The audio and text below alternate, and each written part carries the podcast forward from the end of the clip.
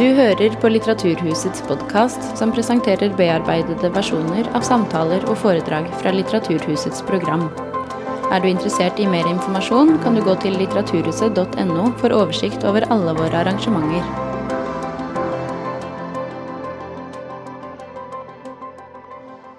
Velkommen. Mitt navn er Susanne Kalutza. Jeg leder stiftelsen Litteraturhuset.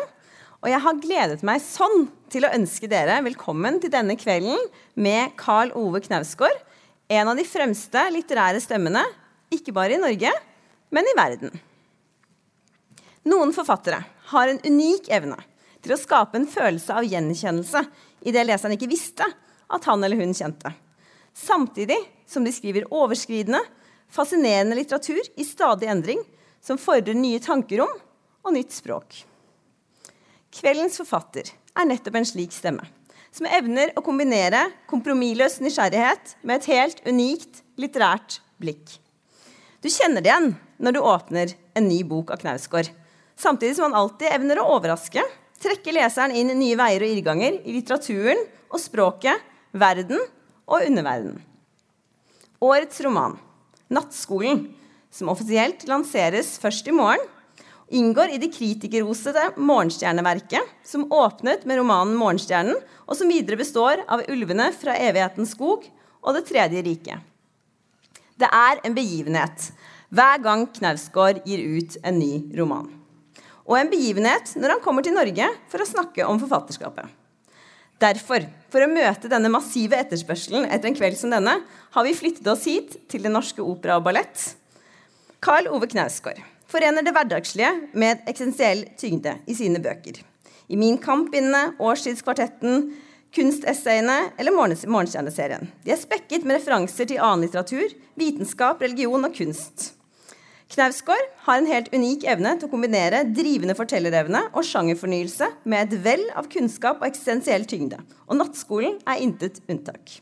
Et uhyggelig og diabolsk storverk hvor vi følger et ærgjerrig og ambisiøst kunstnerskinn sin stigning og fall. En fortelling om hvordan kunst skapes, og om de mørke og lyse kreftene som vi mennesker omgir oss med. En som har fulgt Knausgårds forfatterskap tett, er Jessica Gedin Forlegger, skribent og programleder, særlig kjent for SVTs litteraturprogram Babel. Den neste timen skal hun og Knausgård for aller første gang ta oss med inn i hans ferske roman. Så ta vel imot Jessica Gedin og Carl Ove Knausgård.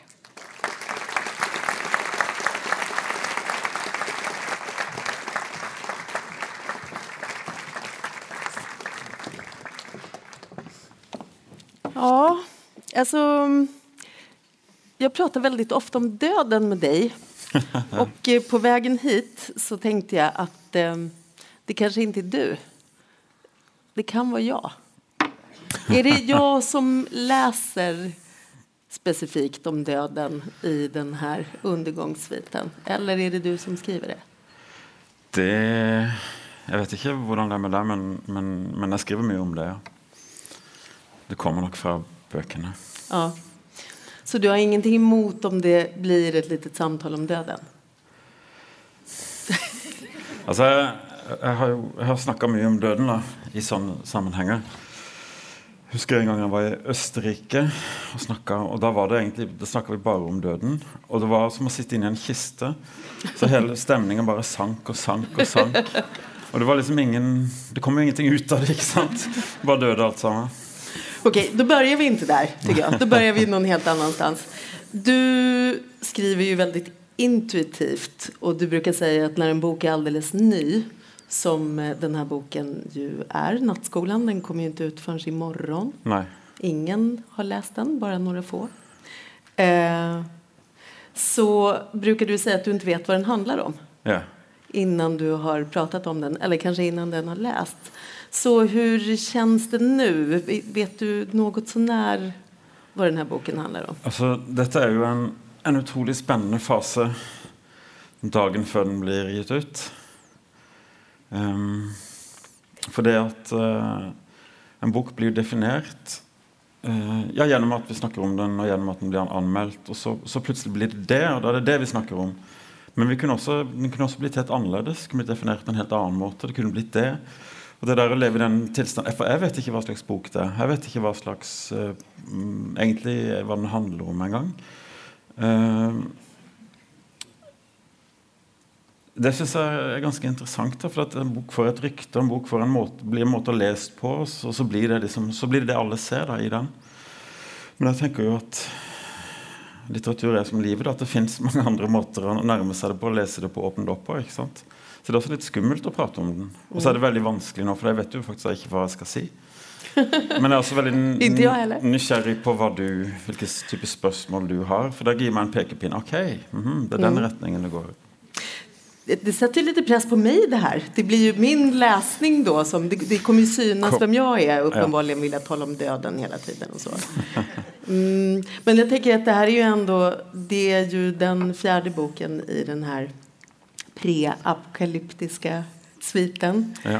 Så det är ju ändå ett bekant universum, det är bekanta frågeställningar och så. Det måste ju vara, du måste ju känna igen dig i alla fall när du går in i det igen. Uh, ja, den boka her begynner jo utenfor Morgenstjerne-universet. Den begynner i 1985. Og da jeg begynte å skrive, så var det to ting jeg ville skrive om. Det visste jeg, det var det eneste jeg visste. Det ene var datamaskiner.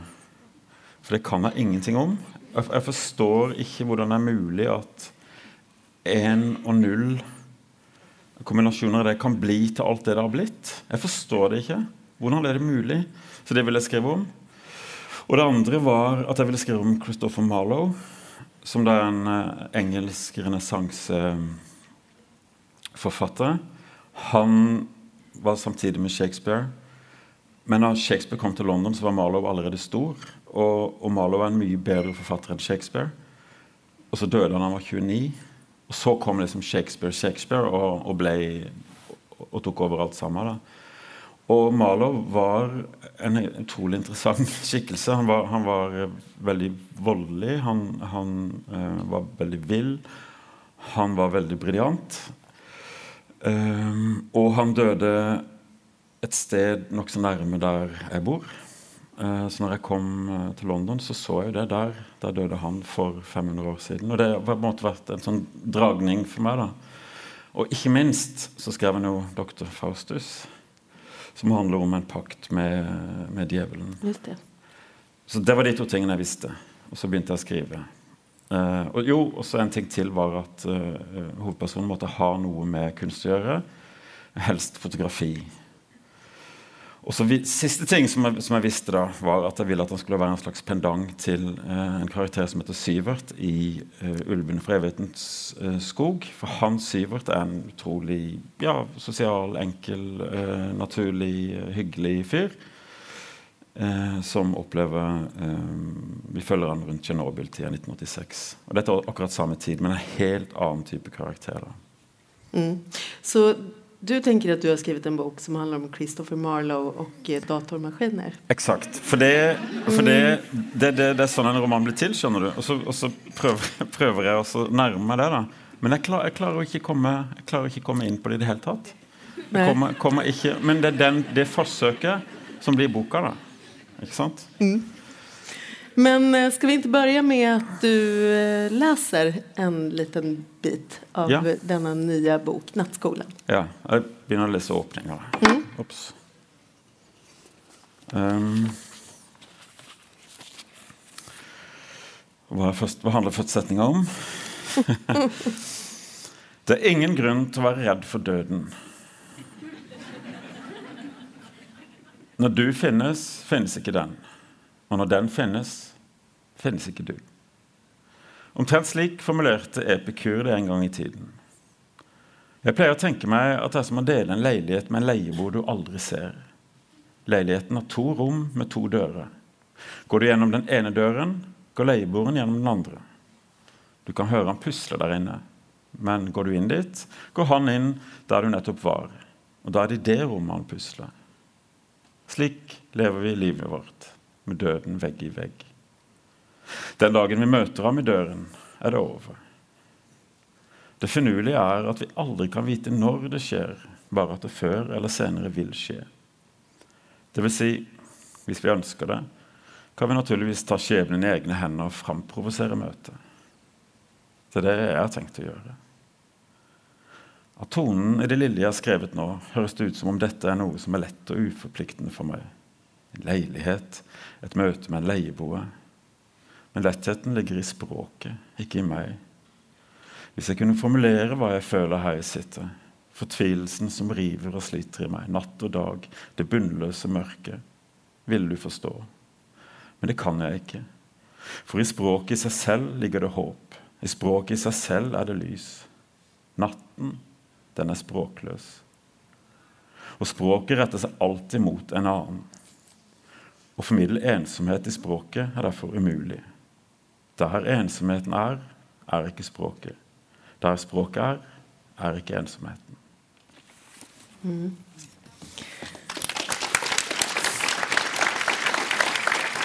Eh, I denne delen, i liksom introduktionen, er jo Christian Hadeland eh, i 40-årsåldern. Men eh, den största delen av romanen utspelar sig ju när han är 1920 i London och går fotoskola där. Ja.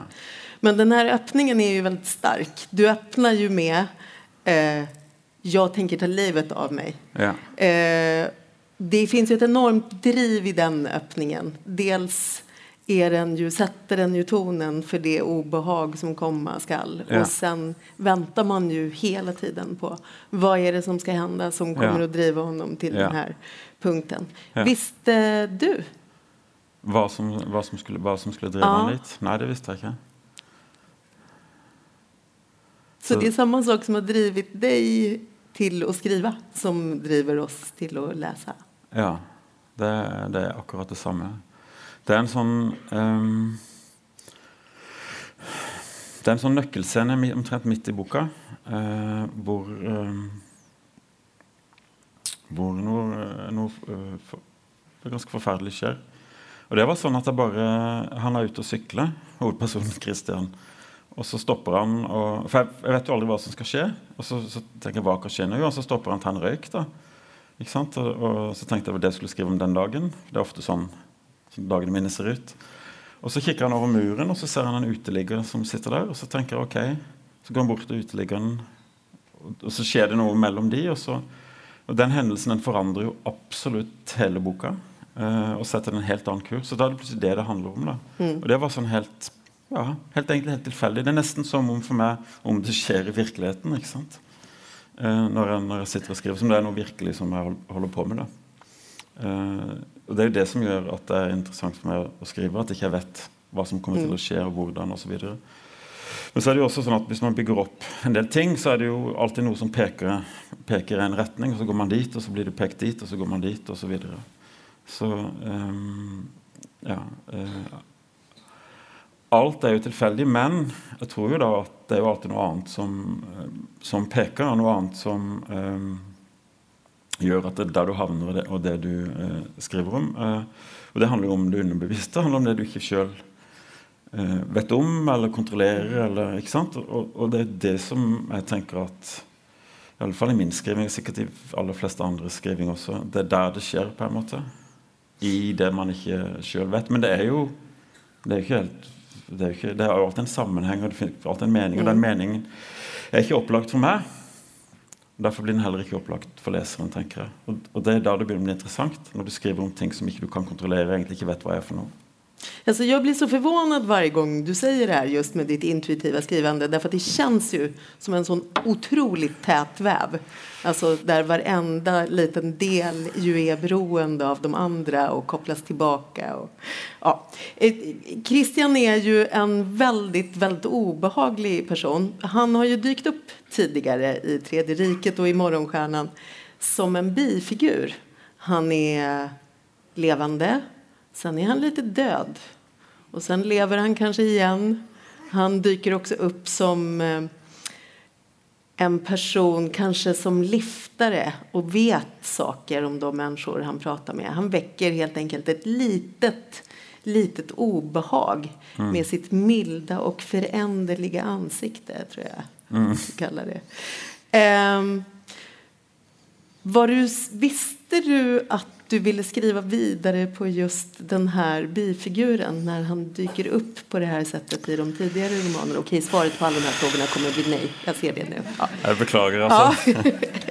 Men han, var det bare Christian. da. Jeg visste faktisk ikke hva han hette efternamn. Og så, så drar han, jag visste egentlig ikke hvem han var heller. Uh, han begynte som en veldig sympatisk og hyggelig fyr. Uh, men så var det noe usympatisk ved han som jeg tenkte det er mer interessant. Og så jeg å følge det. da. Og så drar han hjem eh, eh, til der han vokste opp, eh, til jul.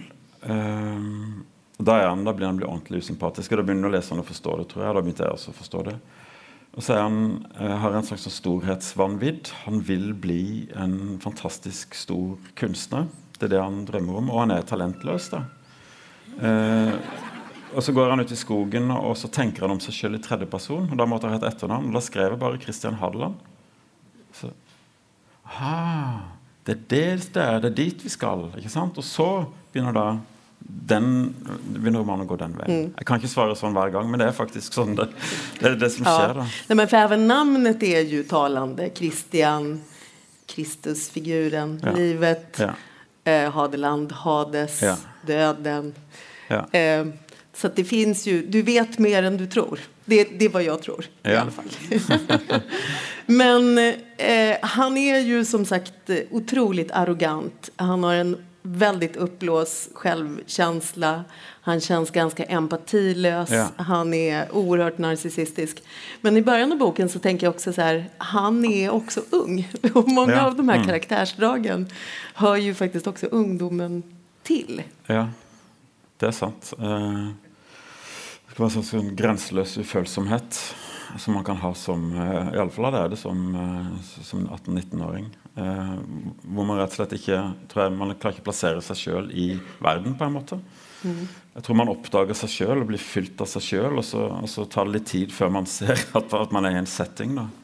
Jeg tenker Det er liksom den ungdommelige narsissismen. Men med Christian Hadeland så er det jo eh, mer enn det. da. Han er jo Jeg tenker på han. Han er, han er, han er forferdelig, da. For han, virkelig, han har virkelig ingen empati. Han kan gjøre hva som helst med deg eller med, med hvem som helst. Og han bryr seg ikke om konsekvensene for andre mennesker. Han bryr seg egentlig bare om seg sjøl. Um, det, det tenker jeg at det er det som egentlig er ondskap. Da. Det er det som egentlig er det onde. Det er å ikke bry seg om andre. Det, det gjør det onde mulig. Og så vil jeg undersøke det i en liten setting. Et lite menneske, et vanlig menneske. Så der er det, der begynner det liksom. Og så kan man tenke seg at man får større opp til dette store systemet, f.eks. militære eller nasjoner. eller så hvor det går, går ut på at vi bryr oss ikke om konsekvensene, bryr oss ikke om det andre, men vi gjør dette. ikke sant? Som, som ja, Det fins masse historiske eksempler på det osv. Men at det er der i det der bitte lille, som alle egentlig kan kjenne igjen, for alle har jo, tror jeg, da, noe av det der i seg. ikke sant? Eller kanskje ønsker at det kunne være sånn. Jeg ønsker jeg kunne være mer hensynsløs. ikke sant? Er så lei av å si ja og ikke mener det. Er så lei av alt det der. Sant? Det fins der, da. Den banale ondskan. Men du, du gjør jo noe veldig fint og det er jo veldig ubehagelig eftersom man er i Christian. Det er jo hans perspektiv boken er skriven. Man er jo med honom i det her han gjør. Det fins en scen eh, som jeg syns er så bra. Christian er eller er så talende. Han er på sin stamkrog och ska beställa en öl. Du skriver så här. Bartendern satte en pint Red Stripe på disken när jag kom in. Han trodde väl att han smickrade mig med att veta vad jag vanligtvis drack. En Guinness, tack, sa jag. Det borde ha botat honom från att behandla mig som om vi var gamla vänner, tänkte jag. Ja, det er jo sånn. Ja, alltså djävulen bor i detaljerna. Har du hållit på mycket med det här? Att eh, liksom hitta just de här små, Ja. den här lilla småskaliga ondskan. Liksom. Ja, for det at når du, når du da går inn og skriver på den måten, som, så, så, og det blir som om dette virkelig skjer, så, kan, så, så oppstår det sosiale situasjoner. ikke sant? Og så, og så er det hele tida hva så, så Å skrive den type bøker er jo som en slags method acting. Du blir jo den karakteren. Du går inn i det og, lever det gjennom det. Og da, ja, hva, hva ville han gjøre, eller hva ville jeg gjøre? Jo, så, så, så kan du gjøre sånne ting, sånne småting hele tida. Og så må jeg tenkte det der kunne jeg liksom tenkt at det hadde vært deilig å gjøre en gang. Bare for liksom å, som en slags sånn Men jeg kan jo ikke det. ikke sant? Jeg gjør jo aldri det. Så den boka handler litt også om det for meg, da, om å, om å overskride mine egne grenser hele tida. Mm. Og Da får man også øye på grensene, hva de er til for, og hvorfor de er der. og sånt. Men jeg har jo tenkt det, det spørsmålet kommer til å få i denne boka her. Ja, hvor mye av meg er i den da? ikke sant? Hvor mye av det i den karakteren? Var, var han svår å skrive, eller var det lett? Det var, helt, øh, det var lett å skrive han som karakter, men det var helt forferdelig å gjøre det. Det er det beste jeg har gjort, tror jeg. Og det er også det, det skjer jo, det skjer jo uh, ting på slutten av boka som jeg ikke skal gå inn på, men som er, var helt, helt forferdelig å skrive. For det at det er jo som det er virkelig. ikke sant? Det handler om et enormt stort tap. da, hvis du tenker du tape det, det, han, det er også det med Christian. Han, vi møter han i to perioder. En når han er 1920 og så en seinere, når han er rundt 40 eller noe sånt.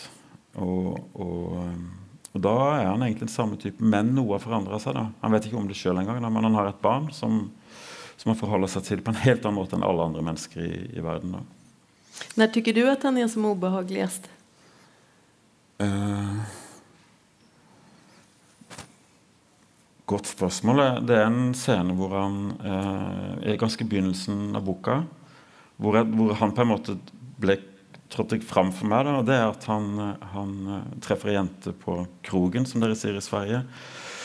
De, hun, er kjempehyggelig og kjempesøt, og, og de kliner litt. Og, og, han er 19 og hun er 25, eller noe sånt, og liksom, de, så skal de gå hjem til henne.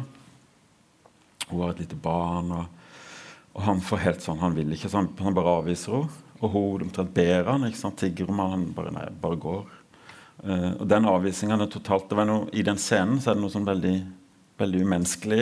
Forståelig også, men noe veldig umenneskelig. Da. Og det var det er på en måte der han trådte fram for meg. da At han er helt uh, uten ja, uten, han er uten kjærlighetsmulighet og, og, og, empati. Så En annen ting med han som uh, i boka da, er jo at han kommer fra et bra hjem. Han har fin, veldig fin mor og veldig fin far. og de bryr seg veldig om i om han, og han er litt bortskjemt. og sånn, og så Det har jeg også tenkt på som en, sånn, en ny psykologi for meg. da. Jeg har alltid vært veldig opptatt av foreldre, barn, og eh, familie, hvordan det henger sammen, ikke sant? hvordan man preger hverandre. og sånt. Men her kommer en som det ikke er prega av det hele tatt. Bare vokst opp som en fremmede i familien. Og det fins jo. Det mm. fins jo mange eksempler på, eksempler på, det. Så det har også syntes vært interessant å, å holde på med. det. För till en början får man ju, eftersom man är inuti Christian ur hans perspektiv, man får syn på honom lite grann utifrån. Kommer ju kommentarer, den här kvinnan till exempel säger ju att han är helt tom. Yeah. Och eh, han råkar ju höra sin pappa eh, när han kallar honom för narcissist. Yeah. Eh, vi ska prata mer om Christian sen, men eh, det finns en annan huvudperson ska jag inte säga, men det finns en, en ganska stor del av den här romanen är London. Ja. Eh, och jag vet att när vi pratade någon gång tidigare när jag intervjuade dig så sa du att du tyckte det skulle bli så härligt att få skriva om London. Eh, och London i den här boken, det låter så här. Den som letar får se, men det är ett faktum att en av arkitekterna då de byggde upp stan igen efter branden 1666 var mer än vanligt upptagen av kabbala, en kristen variant. Så dimensionerna i Salomons tempel, som det står om i Bibeln, blev inbyggda i staden. Och det här London som Christian sykler gjennom, er liksom et dubbelt London. Mm. Det er 80-tallets London, men det er også et veldig gammelt London. Det ligger lager på lager av mm. historie og arkitektur og myter mm. eh, og frimureri. Mm. lengtet du til det her London? Det er jo eh, det som Jeg flytta til London sjøl eh, for seks år siden. Og, og, det første som slår en, er hvor utrolig stygt det er. Og, og, altså brutalt stygt, på en måte, mm. og veldig fattigslig, og, og, sånn, men også at, at, det er så utrolig levende. da. Men så også det at det har så mange lag med, med historie. da at så mange mennesker har bodd på samme, samme sted liksom i hundrevis av år og alltid vært en stor by, alltid vært en betydningsfull by. Eh, det er bare helt utrolig interessant, syns jeg. Bare det å forestille seg at her jeg står nå, så for 500 år siden så sto det en annen. Sant? For eksempel da som jeg snakket om Christopher Marlow eller, eller, eller, mange andre som, som finnes i den boka av mm. historiske skikkelser. da. Det er rett og slett bare en sånn barnslig fascinasjon over, over over det. Hva er, hva er, tid? Hva er det som skiller oss fra de? Hva er det for noe? Vi er på samme sted. ikke sant? Det fins noe gåtefullt, uh, gåtefullt der. Og så er det jo at den uh, perioden som jeg holder mest på med her, ikke så veldig mye, men det er jo um, det elisabethianske England. Det er jo Shakespeares England, um, som jeg har lest ganske mye om som var så ekstremt brutalt. Da. Som var ekstremt voldelig eh, og, og, rått. Eh, og så, som produserte så fantastisk litteratur. Da. Så det, det, er noe der, det er noe med den vitaliteten der. Det er noe med det som, som er som totalt åpent, som det menneskelige. Det er ingenting som skjuler seg der. De holder på med, med det helt grunnleggende der og, og den gangen. Og så går man da nå, så er alt helt annerledes. Men byen og stedet er det samme. da. Mm. Ja, så det er jo noe som skjer der med um, Han er jo fotograf, da. Og det er noe med den teknologien som kom eller på 1820 eller noe sånt. 1830-1820. Hvor eh, verden for første gang blir fanga, blir stoppa. Tida blir stoppa. Og så kommer grammofonen senere, så blir lyden stoppa. Og så kommer levende bilder, så blir sekvenser stoppa. Og så har vi begynt å lagre det, så nå har vi liksom, det blir mer og mer, og vi får mer og mer teknologi, bedre og bedre, så det blir mer og mer av fortid som, eh, som, eh, som lagres. Så nå er det kanskje for nesten føles at det er så mye fortid at, at det ikke er plass til framtid. En sånn følelse av at, at det er ingen framtid lenger. Det vil bare bli mer av det samme. Mens på 80-tallet, da, da Christian holder på her, så er det en følelse av, av, av framtid. At noe kan forandres, at musikken forandres. at at vi kan, vi kan, bli sosialister. eller vi kan bli, ikke sant? Altså at, at, det er eller annen, et eller annet som, som, kan skje. da. Men nå er følelsen av at framtida er rett og slett kjøpt opp av de store eh, Silicon Valley-kompaniene. Det handler om, om eh, teknologien, hvordan den mm. preger oss. ikke sant? Og, det er det som, og dette vil jeg da skrive om. Eh, det er derfor jeg er en fotograf. Men, men, det ble jo ingenting av det. da. Så det her men precis, er bare, jeg skulle just fråga, Er det det ja. du tror at du har skrevet? Nei. men det er, derfor, jeg, det, er derfor, det er derfor, dette med fotografi da, fins i boka som er ganske viktig, er nettopp at den teknologien um, Muligheten til den teknologien den fantes jo, Alle ingrediensene fantes jo på 1700-tallet, 1600-tallet, 1500-tallet. Og Jeg leste en sånn fun fact at romerne kjente til dampmaskinen. ikke sant? De visste hvordan den funka. Men de brukte den til å lage sånne små leke, leketøy med. ikke sant? De, de, de, hadde alt, men de fatta ikke hvordan de skulle kunne gjøre dette som vi har gjort. der, ikke sant? Litt samme med, med fotografiet. Det var plutselig det er noe som skal klaffe samtidig, og så ok, så kommer fotografiet. Mm. Som en slags totalt magisk ting. ikke sant? Hvis ikke du har hatt det før, så plutselig, plutselig ser du det. Og da tenkte jeg hva om den teknologien her hadde vært tilgjengelig litt før. og sånt, og så Det handler boka altså litt om. da. Ja, du skriver jo også om det første fotografiet, Daguerres eh, ja. fotografi fra 1838. er det va? Mm. Eh, Rue du Temple i Paris. Kan ja. ikke du berette om det? det? For jeg har jo blitt tvungen å google også hele tiden. Det er så bildrikt. Eh, er bildrik bok. Det er det da det første ordentlige fotografiet, egentlig. Og det mm. første fotografiet av, uh, av mennesker, egentlig. Uh, um, det er helt fantastisk, for det at uh, det er en gate i Paris sett ovenfra.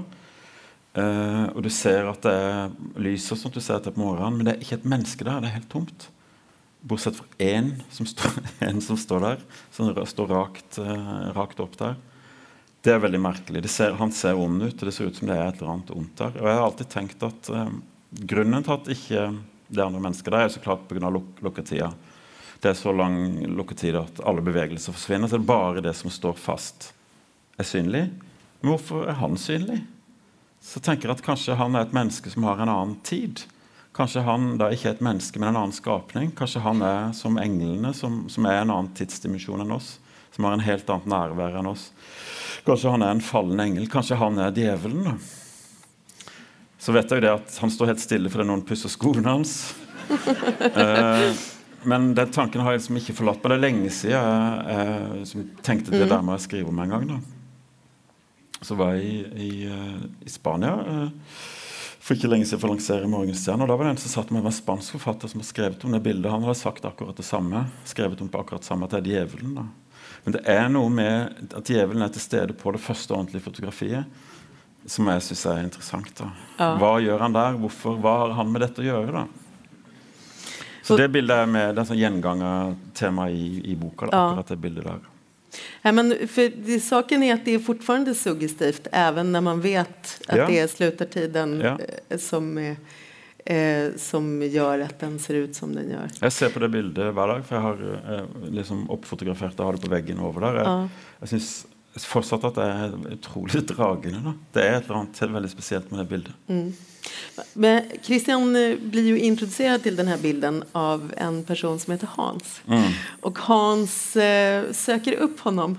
Hans har, han er noe slags kunstner. Han jobber med maskiner. Ehm, han har lite för korta byxor. Ja. Det Som stort hår og korte bukser. Diaboliskt med lite för korta byxor. Kan inte du berätta om Hans? Eh, du sa vel egentlig alt som jeg sier Ja. som han har. Han, eh, han eh,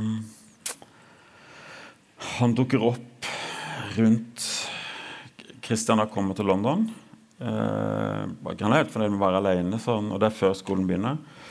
Så han kjøper noen bøker og, og sitter og leser og drikker litt øl på puben. Og sånt, og så kommer det en fyr bort til han eh, med korte bukser og stort hår og ganske lang og litt vill. da. Han er fra Nederland. Han, er, han sier ikke hva han driver med, sånt, men vi snakker om skøyter. Eh, siden han er fra Nederland. Så de snakker om skøyter. Det er den første samtalen de har. Og den skøytesamtalen handler mye mer om noe annet enn om skøyter. da. Og så eh, er det ikke noe mer med det. Og så tar han eh, Christian med seg hjem til seg for å se på, se på bilder. sånn, Viser han også er fotograf, og at han eh, er veldig opptatt av teknologi. Han er en slags kunstner. da. Og så blir eh, Christian gjennom han introdusert noen andre. og Så plutselig havner de i et stykke, en oppsetning av Dr. Faustus, hvor også Hans er med. Eh, og så blir det noen okkulte temaer som kommer opp her. Eh, Hans lager et kunstverk med eh, hva heter han, Alistair Crowley han, og, og mange andre, Agrippa, mange andre okkulte figurer som alle har vært i London.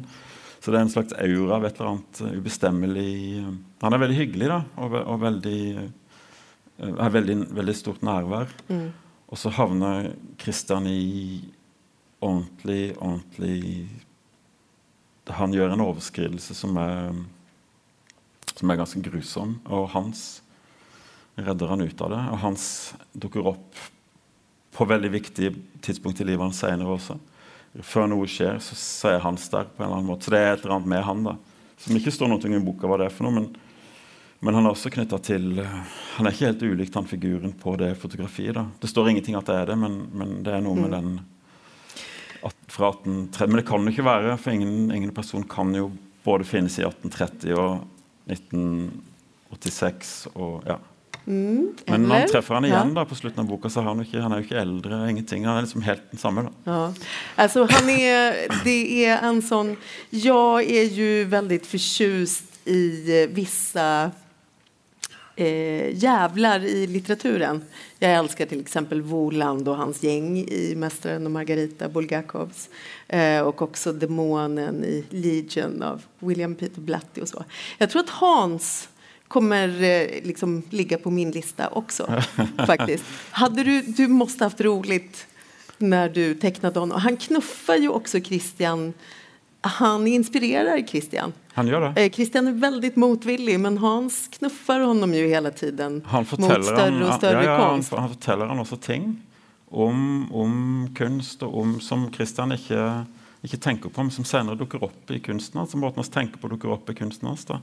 Så det er nokså en, en direkte sånn overføring. Det er nokså synliggjort av hva som kan skje når man, når man vil bli kunstner, og når man holder på med, holder på med det. At, at, eh, hvordan, hvordan man blir influert. da. Eh, her er det jo mye annet som også blir eh, så klart influert, men, men jeg var veldig interessert i akkurat den, akkurat den mekanikken. da. Ja. Det her er en kjempefånig spørsmål, men har du noen favorittjævler i litteraturen? Uh, Han jo opp litt da og da, i alla fall.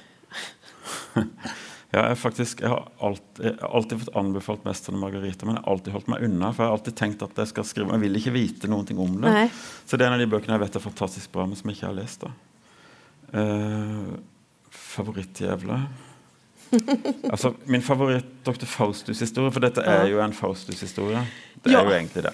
Teknen hoper seg. Ja, det er, en, det er en, rett og slett en fyr som selger seg til djevelen for å få uh, framgang, for å få alt han vil, og han får det. Og så havner han i helvete. Det er vel liksom det som er egentlig plottet her, da, for å si det. Så er det faktisk. Det er hva men, boken handler om. Ja, men ingen vet hvem og hva djevelen er, eller hvem, hvordan helvete er, eller hva dette er for noe, og hva som egentlig skjer.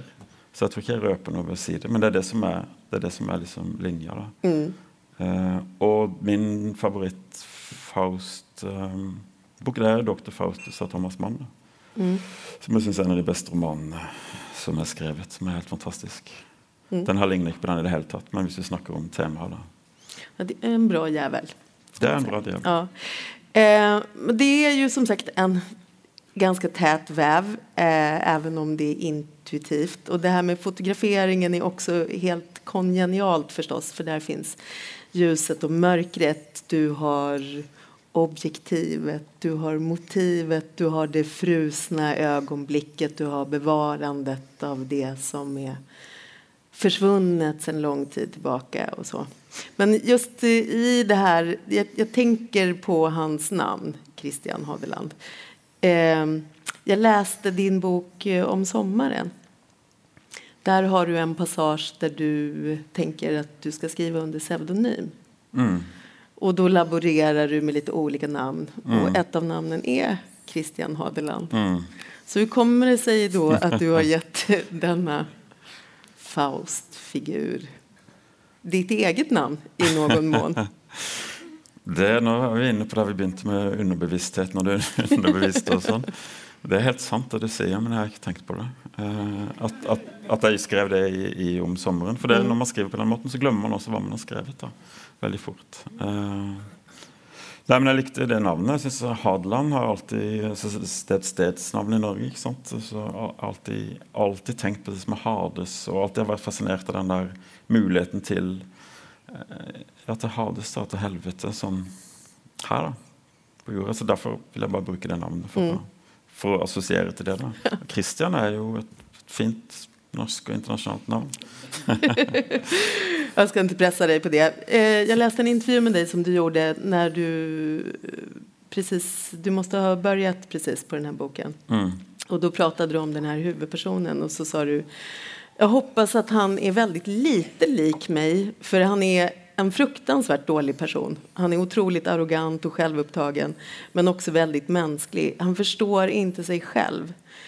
Var du rädd för att han skulle likna dig? Uh, nei uh,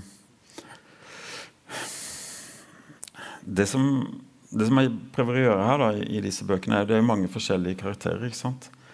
Eh, i, I den som heter 'Ulvene fra evighetens skog', så er personen um, Ja, han er, han er jeg sa vel det i stad, altså en Syvert. Syvert, ja. Er utadvendt, uh, har lett for det, ingen grubler, liksom en Ikke sant? Uh, og da For å han Jeg bruker jo jeg bruker meg sjøl, ikke sant? Eh, helt som grunnleggende. Jeg husker redaktøren min sa men det er jo egentlig et selvportrett. ikke sant? Men også når det er han andre Christian her, så er det akkurat samme. ikke sant? Jeg bruker jo, Det er det man gjør når man skriver. Man bruker jo seg sjøl. Man bruker alle de følelsene som finnes tilgjengelig. ikke sant? Og, og han går jo på da f.eks. på en kunstskole. og jeg gikk på, Han er 19, og jeg gikk på skrivekunstakademi da jeg var 19. og, og og jeg kjenner jo igjen den der, det storhetsvanviddet, f.eks. Altså, jeg, jeg vil liksom som jeg tror jeg skriver da i, i min kamp der jeg skal knuse de, skal knuse de, skal knuse de, ikke sant? Ha den der, og Det har jo også Kristian, men, men, men til, til forskjell fra meg når jeg var 19, så, så Christian er jo lagd innenfra, men han er sett utenfra. Og når man skriver, bør skrive karakterer, så, så, så hvis ikke man har den dimensjonen med at det fins et blikk, så, så vil det ikke fungere. Da vil det bli sånn da vil det bli som eh, så selvrettferdig ikke sant? Altså, så, Som manus man av og til får når man er redaktør. altså så Noen som skal skrive om en sak. Og, og, ikke sant? Så det er noe med, det er noe med at det, det, er jo ikke, det er jo ikke en sjøl. Man lager jo noe som blir sett utenfra. Og, og, jeg har ingenting med han å gjøre, men jeg har jo noen av følelsene og, og også forestillingskraften som i mitt tilfelle ofte har med følelser å gjøre, da, som, som jeg, jeg, bruker når jeg skriver. Som, ja. Og så har han noen erfaringer som jeg ikke har hatt, uh, f.eks. av død, uh, som som når jeg skriver om det, som må gjennomleve det, selv om ikke det har hendt meg. ikke sant? Og det, det, er jo det, er det som skriving og lesing handler om. Å havne på steder hvor man ikke har vært sjøl. Uh, men man kan det i litteraturen. ikke sant? Det er som å se en seriemorder våkne. Han, han, uh, hans første riktig bra fotografi er jo av en død katt som han koker og uh, eh. Nu heter ju det här samtalet Konstens pris och Christian får ju då betala ett väldigt högt pris for sin konst. Har du betalat ett pris for din konst? Ikke ennå. Finns det, det, fanns det någon punkt i din karriere da du hadde vært beredd å selge din själ till djevelen for ja, ja. å gjøre bra konst? Ja, det, det har det vært. Eh, jeg tror uh, da jeg begynte min kamp, var et sånt, sånt punkt. For det var også Nei, for, først og fremst når jeg var, ikke hadde debutert og ville bli forfatter. Da kunne jeg, også, da kunne jeg faktisk tatt, hvis det hadde, hvis det hadde kommet en bok, hadde jeg tatt en sag og sagd over armen min og kasta den. Hvis jeg visste at jeg kunne få ut Så desperat var jeg etter å få ut i, ut i en bok. Det er helt sant. Det var liksom det eneste som Og jeg kunne jo ikke skrive engang. ikke sant? Og det andre var, var, med min kamp. altså at eh, Det hadde jeg holdt på i fem år. tror jeg prøvde å skrive Fire år hadde prøvd å skrive uten å få det til. og da var jeg da, da, men da var det liksom bare sånn at, da, til slutt bare tenkte jeg faen heller jeg bare ikke sant, jeg bare gjør det her. Jeg bare ut med alt og driter i alt. og bare ut med, ikke sant? Og det er jo et sånt, sånt øyeblikk. Men jeg trodde jo at det skulle liksom ødelegge ikke sant, og skulle komme til å og, og ende meg som, som forfatter. Istedenfor så ble det jo noe helt annet. Det åpna opp åpner opp alt. Så, så, der ligger det et eller annet sånn et sånt punkt som, eh, som Ja. hvor jeg, hvor jeg la, la, inn masse som jeg ikke visste hvordan hva var for noe, egentlig. Og, ikke sant? Som, eh, som, føltes veldig risikabelt, og som føltes mm. eh, eh, overskridende. Og vi snakker om det her, så er det jo overskridelsen som er truende, som er farlig, og som også er nødvendig for kunst. da. Dette er jo også en kunstroman. Han blir jo kunstner, og, og, og, det, det han holder på med, handler jo om overskridelser. Og det er jo, han gjør jo bra kunst, ikke sant? Ja, det, er, det er, veldig, det er veldig komplisert. Det her da, veldig, ja. merker det er litt ubehagelig, ubehagelig å snakke om. Ja, men, men, det er jo virkelig en, en roman om eh, tilblivelsen av en konstnär må være at han selger sin sjel for å bli det. Ja. Eh, men det finns, också, det finns ett scensamtal i den här boken när Christian är i 40-årsåldern och har blivit otroligt framgångsrik och har en stor retrospektiv i eh, New York. Ja. Um, och jag har stulit en fråga från det sensamtalet. Det, det, här sensamtalet får ju fruktansvärda konsekvenser. Det, det, ska inte vårt få. Nej, okay. uh, men frågan lyder så här. Det finns konstnärer som skapar för sin egen skull och som skulle ha skapat det även om ingen hade sett dem. Och så finns det konstnärer som vill bli sedda. Hur viktigt är det för dig att bli sedd? Eller läst då? Jeg kan takke meg sjøl. mm. Jeg husker faktisk ikke hva, hva, som blir svart der, men uh, så jeg må improvisere. Vi ser om det er likt. Uh, jeg tror at uh, da jeg begynte å skrive og da jeg, Dette er sant, da. Jeg, jeg dikt, dikter det ikke, for det, det høres dumt ut. Men, da jeg begynte å skrive og ville bli forfatter, så var det veldig mye at jeg ville bli sett. Det var veldig mye det. Og veldig mye det å ville bli, ville bli elska. Jeg husker jeg så Jonas Gardell han heter, sant? en gang sto på scenen og sa bare 'elsk meg, elsk meg', elsk meg. Og det var litt sånn, da. Jeg tror det var litt sånn. Um, og jeg tror også at uh, det der brennende ønsket om å få noe utenfra inn, det betyr jo at man ikke har noe der inne. ikke sant? Eller at det inne er på en måte i, i uh, ubalanse eller ikke er helt. eller Det er noe som er galt. ikke sant? Det er noe som må, og, og, da vil man bare ha alt det her inn, for da blir det iallfall ikke sant? Det, det tror jeg var en sånn driv, drivkraft. da. Men så kom uh, min første bok ut, og det var en gikk utrolig bra med den. ikke sant? Og, det, og, og, jeg husker Faren min døde akkurat samtidig, så det var en sånn veldig miks av ting. da, Men det var samtidig en sånn følelse av det var helt tomt. Det var liksom ingenting. Det var bare Jeg var, jeg var, bare, jeg var bare, opptatt av uh, Ja, altså det var, det var ingen Det ga ingenting, da. Det var ingenting. Og Da gikk det fire år igjen før jeg klarte å, å skrive, og da fant jeg, fant jeg, det som var liksom, som er tingen. da, Det er å forsvinne inn i litteraturen og bli borte for seg sjøl. Og det å lage noe. og Det er det det handler om. da, Jeg lærte det da, eller jeg skjønte det da. eller Det var det som var saken. Det er å sitte og skrive og holde på med det. Det er noe der som, eh, som er viktig i seg sjøl, for meg. altså. Og det er, det som er så uh, merkelig med det, er at når jeg skrev den første romanen min, så var det jeg oppdaga, var at uh, det å skrive var det samme som det å lese. Og det var det som var å skrive. Man forsvinner inn, man vet ikke hvem man er, hvor man er. Man holder på med noe som, som nesten tar form foran deg som du er en del av, som skjer i deg, men som du ikke styrer. Eller, ikke sant? Hvor du kan ta deg til steder som ikke du har vært før. Og Det var en helt fantastisk følelse. Og den følelsen har jeg liksom, prøver jeg å finne tilbake til hele tida. Og jeg husker jeg så et intervju med Ian McEwan. Han, han kalte det liksom 'the selflessness of writing'. Ja, og han sa at det oppnår han bare av og til, og det er liksom høydepunktet i skriving. Og det er noe der, da.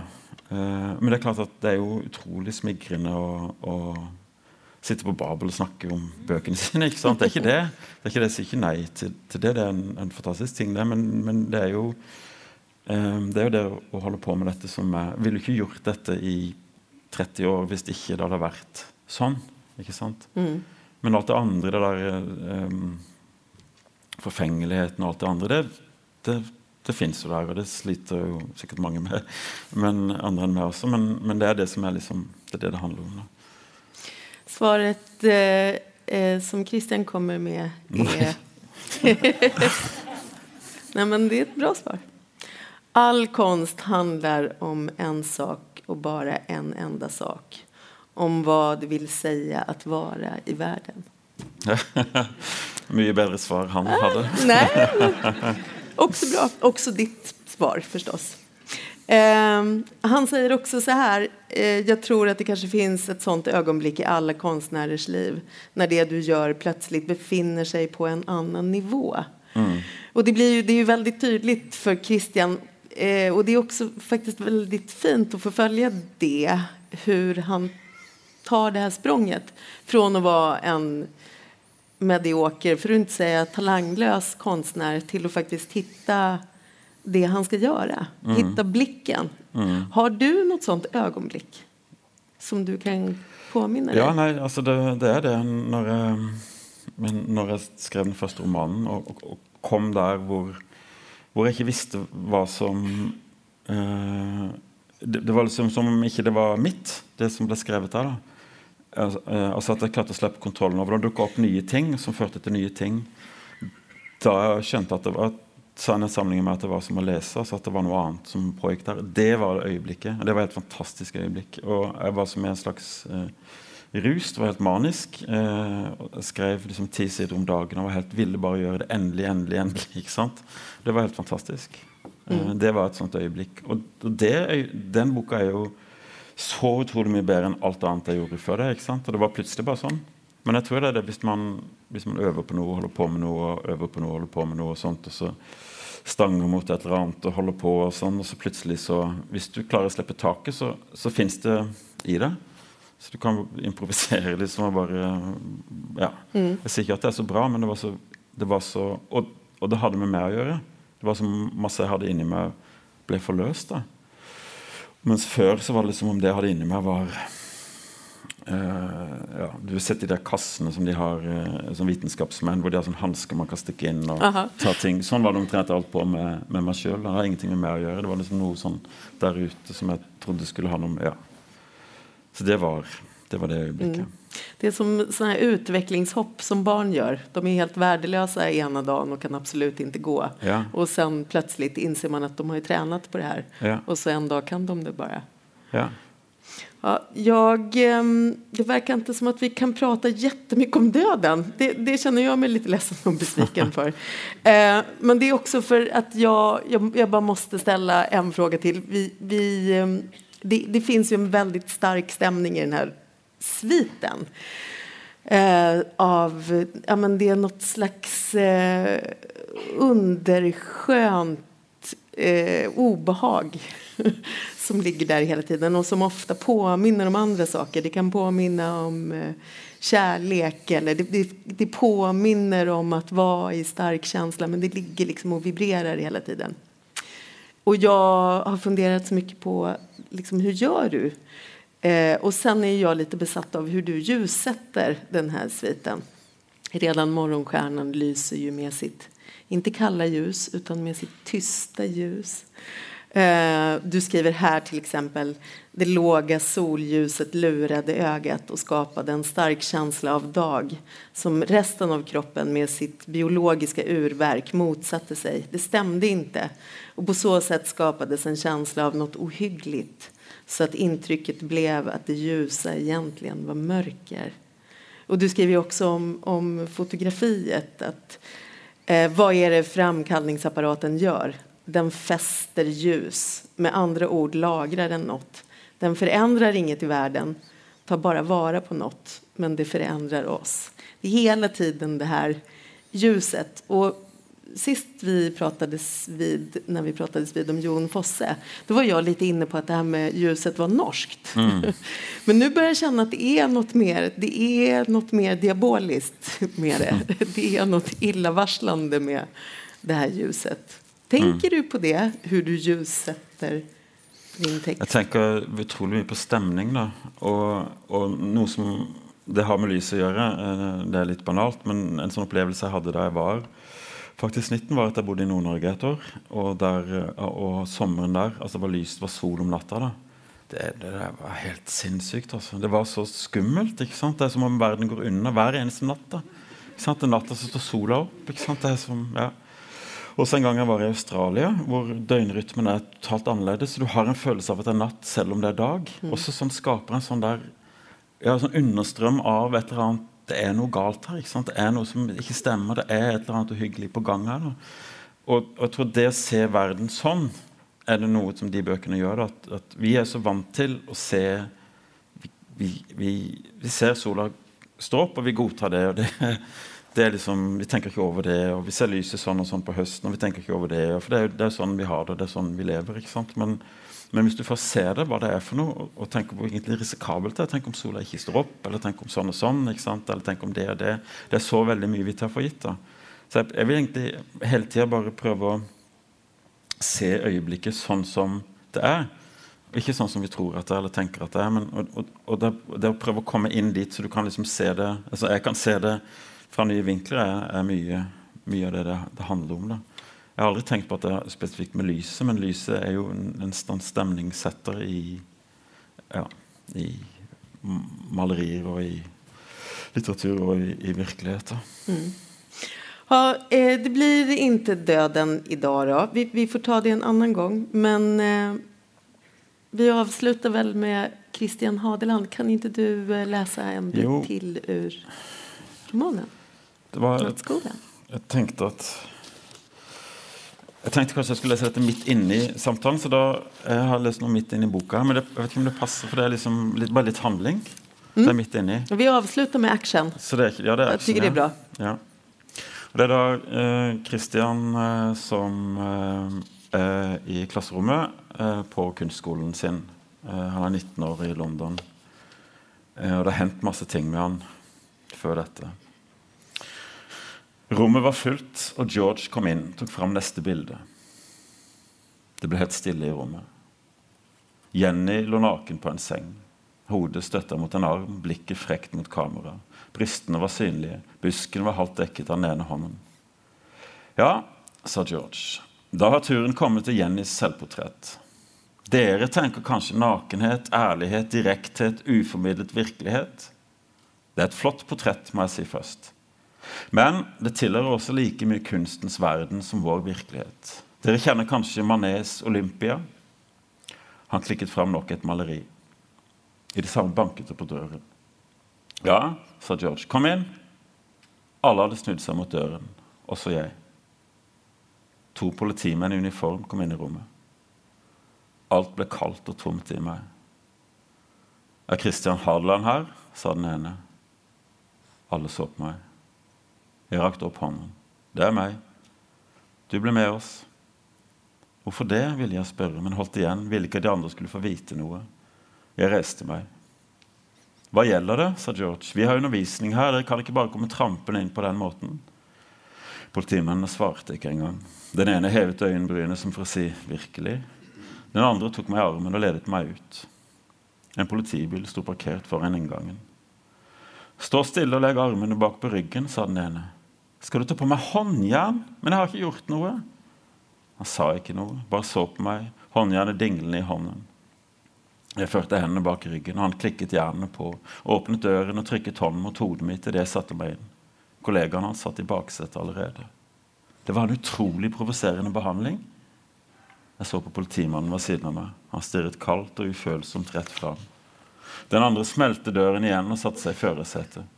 Startet bilen, trillet langsomt over plassen, kom ut på hovedgaten, økte farten. Er jeg arrestert? Han ved siden av snudde hodet mot meg. Du er etterlyst. Vi tar deg inn. Er jeg mistenkt for noe? Ingen av dem svarte. Var det engang lovlig? Jeg har ikke gjort noe. Taushet. De måtte ha noe på meg. Ville ikke oppført seg på den måten hvis ikke. Jeg hadde gitt ham to sigaretter. Hadde ikke sett noe bilde i avisen. Visste ikke at de så etter meg. Han hadde ikke hatt fyr, så jeg gikk inn til ham med lighteren. Det måtte være derfra bildet var. Det var denne lighteren. Jeg så ut av vinduet. Folk gikk forbi som i en drøm. En mann sto utenfor en kiosk med hodet bøyd fram og gnafset i seg en sandwich. To jenter i skoleuniform og fletter gikk arm i arm bortover fortauet. En kvapsete mann med hund byttet hånden som holdt båndet da hunden ville gå på den andre siden av en lyktestolpe. Bare jeg visste hva som hadde hendt. Ikke noe håndgemeng, ingenting. Bare sigarettene og så lighteren. Vi kjørte opp en liten bakke og svingte inn til høyre, stanset foran en port som langsomt gled opp. Innenfor sto det flere politibiler parkert. Det var som om jeg var helt tom. Jeg følte ingenting, tenkte ingenting. Gikk ut av politimannen åpnet døren, fulgte etter da han grep meg i armen og ledet meg over plassen bort til døren. Inne låste han opp håndjernet, og jeg måtte ta av meg beltet og tømme lommene for en mann bak en disk. Han la de få myntene jeg hadde i en gjennomsiktig plastpose, og førte navn og adresse og nasjonalitet inn i en bok. Deretter ble jeg geleidet til en heis av en gang, som vi tok ned i kjelleren. En ny gang, bunkeraktig med jerndører på hver side. Politimannen som gikk noen skritt foran oss, stanset og låste opp en av dørene. Du skal vente her til de kommer og henter deg. Når er det, da? Det får du tidsnok vite. Jeg gikk inn, og de låste døren.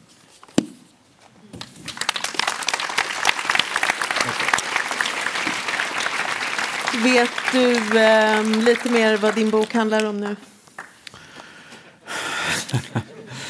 Ja, ja, det med lys og sånt, det gjør litt inntrykk på meg. Tusen takk, Karl Ove ha. Det er alltid et nøye å prate med deg. Tusen takk. Tusen takk. Du har hørt på Litteraturhusets podkast, som presenterer bearbeidede versjoner av samtaler og foredrag fra Litteraturhusets program. Del gjerne podkasten med familie og venner via iTunes eller Soundcloud om du liker det du har hørt. Følg oss også på Facebook og på litteraturhuset.no for informasjon om flere aktuelle arrangementer. Musikken er laget av Apotek.